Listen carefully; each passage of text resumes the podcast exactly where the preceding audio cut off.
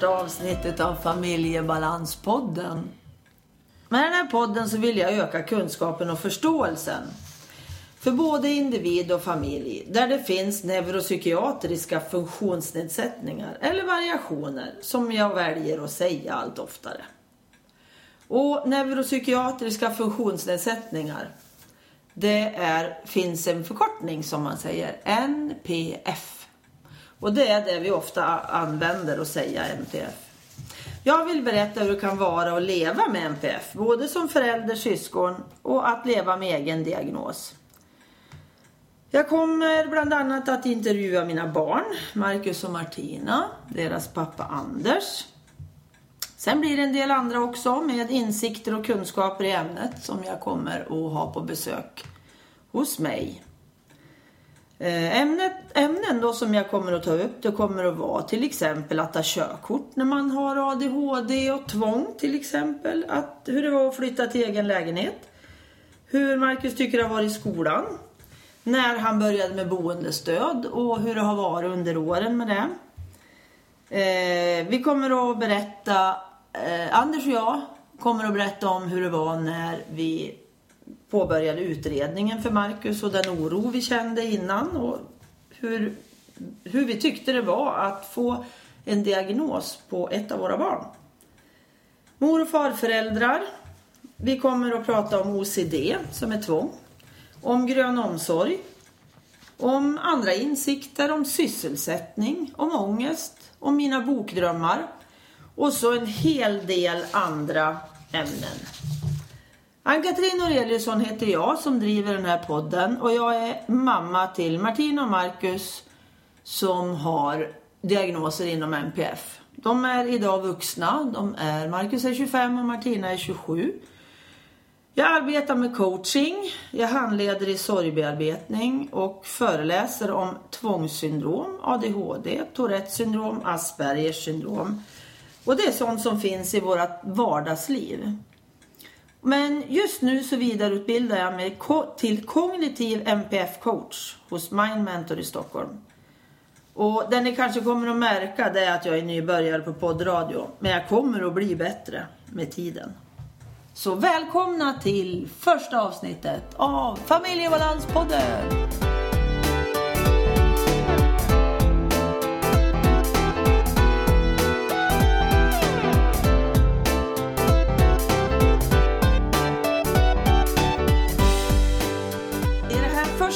Avsnittet är det jag, mamma Ann-Katrin.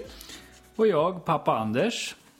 Som kommer att prata om hur det var när det var kaos alldeles i början där när barnen var ganska små. Eh, för att ni ska få lite bakgrund till hur det har sett ut under åren. Ja, och i och med att det är ju ett antal år sedan, det här är ju alltså början på 90-talet, så att eh, vi har suttit och tittat i gamla papper från BUP, barn och ungdomspsykiatrin, och fått eh, fräscha upp vårat minne helt enkelt. Mm. Och eh, det var ju då när utredningen påbörjades, det var ju 97, då var ju Marcus sju år. Men före det så hade det ju varit väldigt mycket jobbigt i vårat familjeliv som gjorde att vi ville ha den här utredningen? Ja, eh, det var mycket som hände de, de där åren för att vi, vi byggde vårt hus 92, eller skarven 91, 92, vi flyttade in 92 och samtidigt på hösten 91 så började Marcus stå på dagis. Mm. Så att eh, jag personligen har väl inte jättemycket eh, minnesbilder mer än det här kaoset och, och de gångerna jag lämnade honom på dagis och gångerna man skulle hämta honom så var det ständiga gråtattacker, alltså rent kaosartat. Eh, sen höll jag på med bygget som sagt så att det var väl du som hade det här huvudansvaret just då i mm. mångt och mycket. Mm. Jo, så var det ju. Eh, du började ju jobba tidigare på morgnarna också genom att du var på byggen och sådär då. Även när du inte byggde huset. Mm. Så jag började ju som snickare. Så du gick ju mycket tidigare än jag på morgnarna. Så att det var ju jag som lämnade och ibland hämtade vi nog tillsammans tror jag. Ja. Och det var ju inte bara Marcus som slet. Alltså Marcus är ju då våran son. Född 1990. Han är alltså idag 25. Och så har vi Martina som är 27 idag. Hon är född 1988. Och de började ju på dagis tillsammans. Marcus var ett och ett halvt och Martina var tre. Det är ett och ett halvt år mellan dem. Och eh, ingen av dem trivdes ju på dagis. Nej, för Marcus del så var det ju från början, tror jag, från dag ett eller åtminstone första veckan så, så, och framåt så var det ju eh, kaosartat. Han eh, hade ju svårt med att kunna kommunicera med andra och ingå i ja, sociala sammanhang får man väl säga. Ja, han hade inte så stort intresse av de andra barnen. Det har man kanske inte när man är ett och ett halvt heller. Men han började ju inte prata något direkt förrän han var två och ett halvt. Nej. Han hade ju mer ljud och liksom läten eller vad jag ska kalla det för. När han kommunicerade till att börja med. Ja, så var han väl ganska fysisk också. Han, eh, han bet ju en del av sina kompisar där på dagis. Och även sin syster. Och även sin syster. Ja, hon hade mycket tandmärken i ryggen Ja. eh, som han åstadkom. De var inte så goda kompisar om man säger så. De trivdes inte så där jättebra tillsammans. Nej, och mycket berodde väl på att han hade svårt med, med, med kommunikationsbiten rent verbalt så han kunde inte göra sig förstådd Nej. som han tyckte. Men vi förstod i alla fall, vi började ju fundera ganska tidigt att eh, just den här känslan av att vi var så värdelösa som föräldrar. För vi trodde ju hela tiden att det var vi som gjorde fel. För vi pratade ju en del om det under åren. Att vad gör vi för fel? Hur ska vi göra på något annat sätt för att det ska bli enklare för oss? Ja, det var väl det att man tittar ju mycket på hur andra hade det och de verkar ju ha så i våra tycker och välartade barn och eh, ja, det bidrog ju till att man själv kände sig väldigt misslyckad. Man, man, eh, man tyckte att de andra familjerna kunde så mycket mer, eller göra så mycket mer med sina barn än vad vi kunde göra. Och det krympte ju vårat nät, eller vad ska jag säga. Vårat nätverk runt omkring med kompisar och så vart ju... Det vart ju färre och färre. För vi orkade inte fara någonstans. Vi åkte ju sällan på semester eller hitta på sådana saker. Jag tror de första fem åren, om jag inte minns helt fel, så hade väl du och jag en helg, tror jag, i Sundsvall på något hotell. Eh, då vi hade lyckats få ett barnvakt, tror jag. Ett dygn tror jag det var. Det var nog inte en Ja, det var kanske så. Ja, Ja, dina dygn. föräldrar kom upp. Ja, så var det. De var ju lite grann nere hos mormor och morfar som vi har bott granne med i alla år. Men det funkar inte så jättebra. Nej, de... De var ju lite äldre också de, så de orkar liksom inte med. nej. Och det kan man ju förstå. Med det tempot som både Marcus och Martina har haft så är det jobbigt att vara kanske i 80-årsåldern 80 årsåldern och ha småbarn. Ja, för det var ju väldigt högt tempo på båda två. Och Martina hade ju den här... eh, Hon ville ju stå i centrum hela tiden, så hon var ju väldigt mycket. Och Marcus hade väl inte det här behovet att vara i centrum, men han var mycket på ett annat sätt. Han var virvelvinden och mycket påhittig och på gott och ont. Mm. Men vi funderar ju där, om vi går tillbaka till mer till dagistiden. Så var det ju, vi frågade ju ofta personalen, vad ska vi göra? Vad är, varför blir det så här? Och de, vi fick ju ofta svar på många ställen just det här att men vänta ska ni se, det lugnar ner sig. Ja, och det kommer att bli så bra. Mm. Men det visade ju sig att det inte riktigt blev. ja, någonstans här då så är vi ju ganska förtvivlade och Marcus kanske har blivit sex år, fem, Ja, sex. Något sånt där, tror jag det är. Så tänkte vi att nu måste vi ju göra någonting. Men jag hade ju, vi hade ju ingen aning om vad i fasiken ska vi göra då. Så att jag ringde till en eh, liten avlägsen kompis. Inte någon av våra närmaste utan en, det var en spelkompis fru till dig. Som jag visste hade jobbat på dagis som någon slags extra resurs. Och jag hade nog inte riktigt fattat vad hon gjorde. Men jag tänkte jag åker till Irene och pratar med henne för att höra om jag kan få något bra tips. Så jag for till henne och vi pratade en hel kväll. Och hon lyssnade och förstod väl en hel del för att med mig hem så fick jag en bok som heter Barn, Barn med koncentrationssvårigheter av Björn Kadesjö. Och det blev min bibel. För den läste jag ur för dig Anders på kvällarna. Ja, jag har nog inte så mycket minne av vad, vad det avhandlades, men det gjorde väl att vi började ana att det kanske inte är vårat fel. Det var väl där tanken ändå började gro, att det fanns andra orsaker som låg bakom. För på varenda sida fanns ju våra barn. Ja. Både Martina och Marcus egentligen så hittar vi ju där. Och de beskrevs på ett sätt så att vi förstod att ja men det finns någonting. Det finns någonting som heter ADHD. Och eh, sen så efter det så tog jag kontakt med en psykolog som jag visste hade varit skolpsykolog. Eh, som jag hade jobbat här på skolorna runt Hudiksvall. Och då tänkte jag om jag går till henne och frågar hur ska vi göra? Hur gör man när man inte vet vad man ska göra i ett sånt här, i ett sånt här fall? Och hon berättade att eh, det är bara att ringa till BUP och ställa sig i kö. Du behöver ingen, ingen remiss, ingenting, utan det är bara att ringa. Och då, när det här var, det var ju i, F, när, när skolan hade börjat, i, när Marcus då hade börjat i ettan. Och innan, och där vi verkligen hade, allt hade kommit till sin spets, det var ju när det var avslutning på lekis för hans del.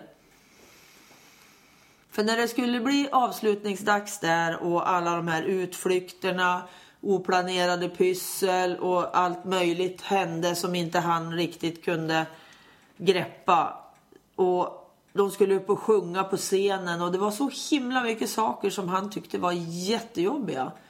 Så då var hans rum i princip upp och ner periodvis. För han vände upp och ner på allting där inne när han var som mest förtvivlad och arg. Så efter det så förstod vi att nu måste vi. Ja. Vi är tvungna att göra någonting innan vi går under allihopa. Så i september när han hade börjat ettan ser jag i de här papperna att det är någon gång på hösten i september, oktober som jag ringer till BUP 1997 och ställer oss i kö där. Och då var det tre månaders väntetid. Mm. Och de tre månaderna var en oändlighet. Så jag vet att jag ringde säkert varenda dag. Så efter två månader så var vi inne.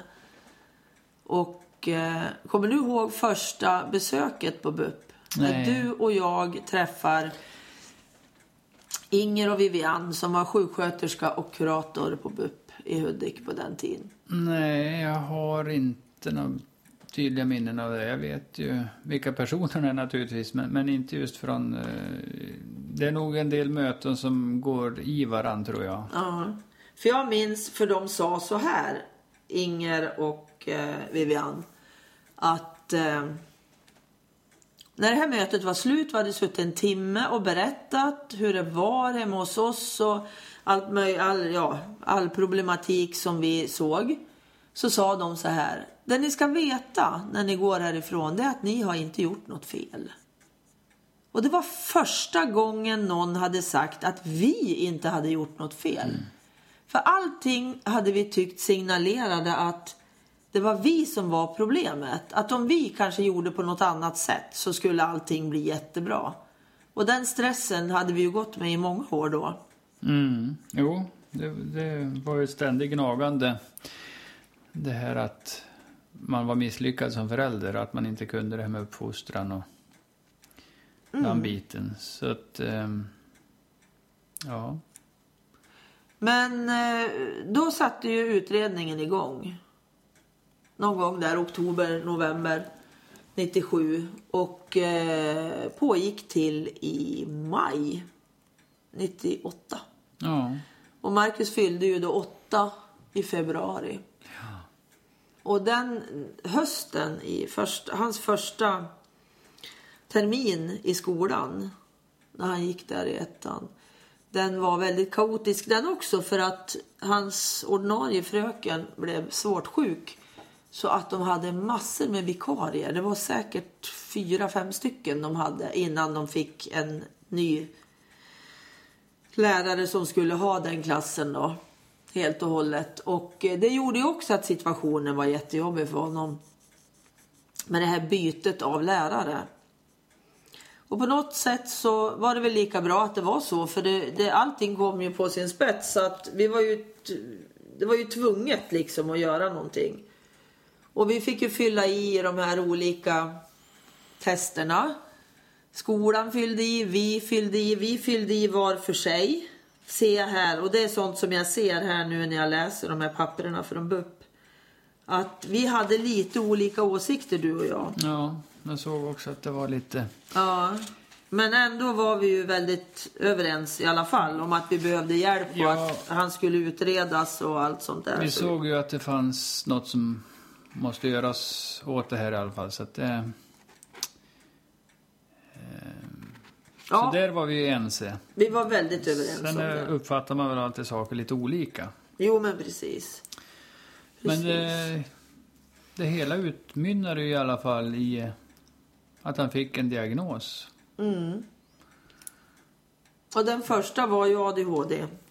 Ja, Och som jag har trott och tänkt att jag, när jag har minst tillbaka så har jag trott att hans Tourette-delar har kommit senare. Men när jag läser nu utlåtandet från BUP så hade han redan väldigt mycket tvångs... Eh, ja, tvångsrutiner för sig och en hel del tics. ja.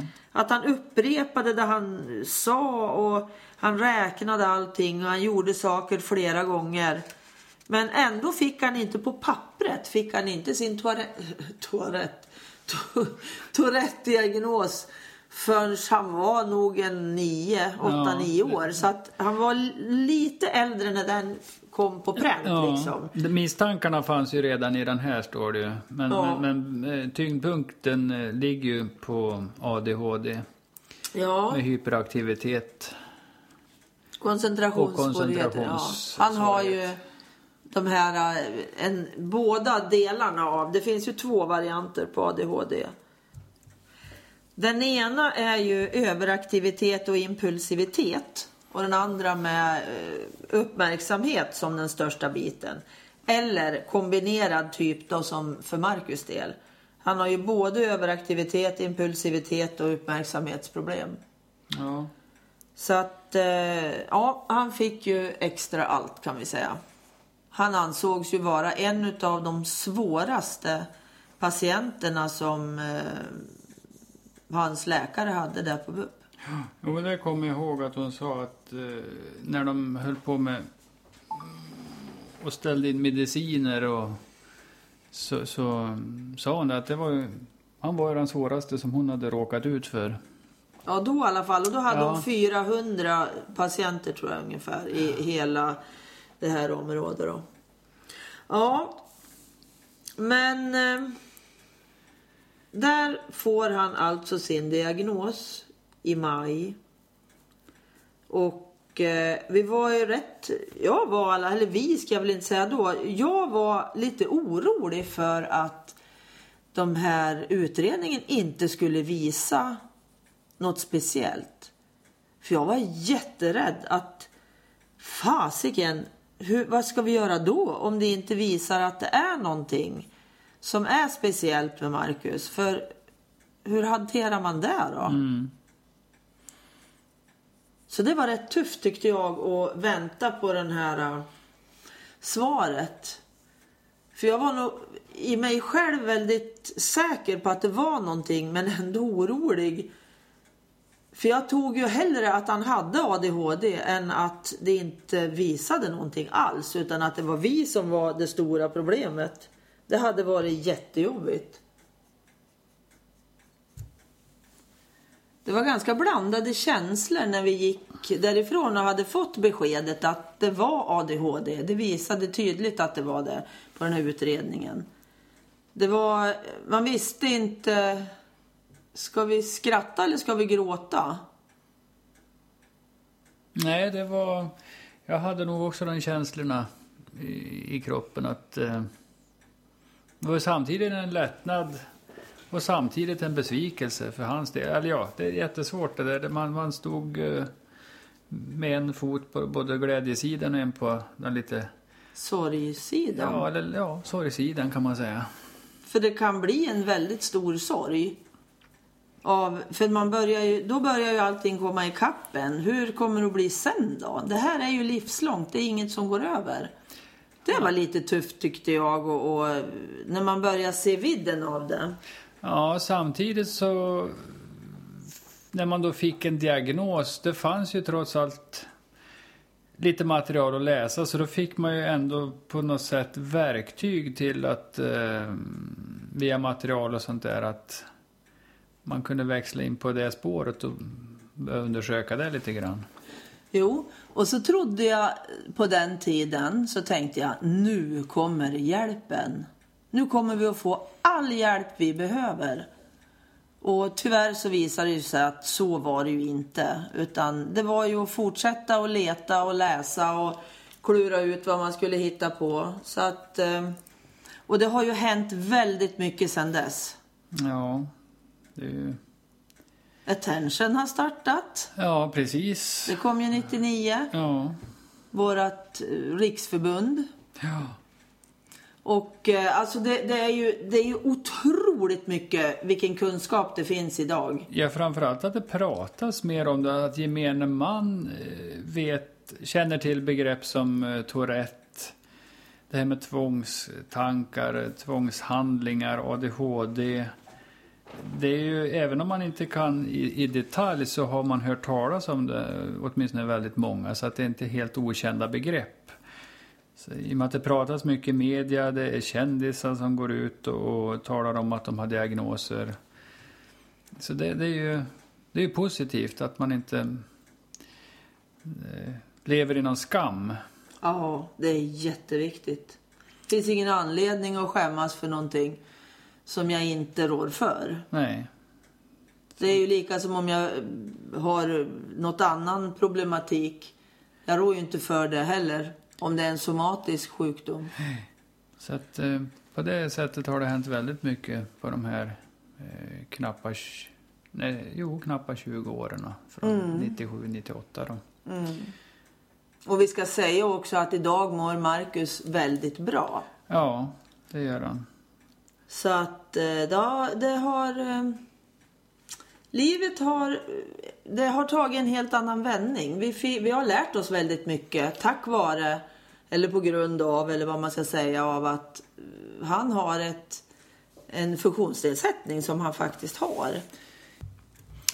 Ja, jag skulle inte vilja byta det liv som vi har haft med våra barn för att det har varit otroligt lärorikt. Det har varit fruktansvärt jobbigt men merpart, eller jobbigt men den större, stora biten har ju varit att det har varit väldigt lärorikt, så är det ju. Jag brukar säga så här att jag skulle gärna byta bort allt som barnen har fått slita. Och Ja. de, de, den delen har Ja, ju varit absolut. för jäklig. Men eh, präktigt och tjusigt låter det ju. Men det är faktiskt sant. Jag skulle inte heller vilja ha haft det på något annat sätt. Nej, Jag hade velat slippa se dem lida. absolut. Men annars så har det varit berikande Ja. faktiskt. Sådär så att, ja. Jag tror att vi avrundar Ja, och säger tack så himla mycket för att ni har lyssnat. Och jag är jätteglad för att ni har lyssnat ända hit. På våran första podd. Och eh, vi återkommer med nya avsnitt. Och eh, då kommer jag att intervjua Marcus om lite olika saker. Du och jag kanske pratar igen Anders senare. Ja, vi får se. Vi får se vad som händer och vad som är på tapeten. Och eh, har ni några tankar och funderingar runt det här avsnittet så kan ni, eh, får ni gärna höra av er till mig på Ann-Katrin, A-N-N-K-A-T-R-I-N, snabela familjebalans.se. Så välkommen tillbaka så hörs vi en annan gång. Hej då!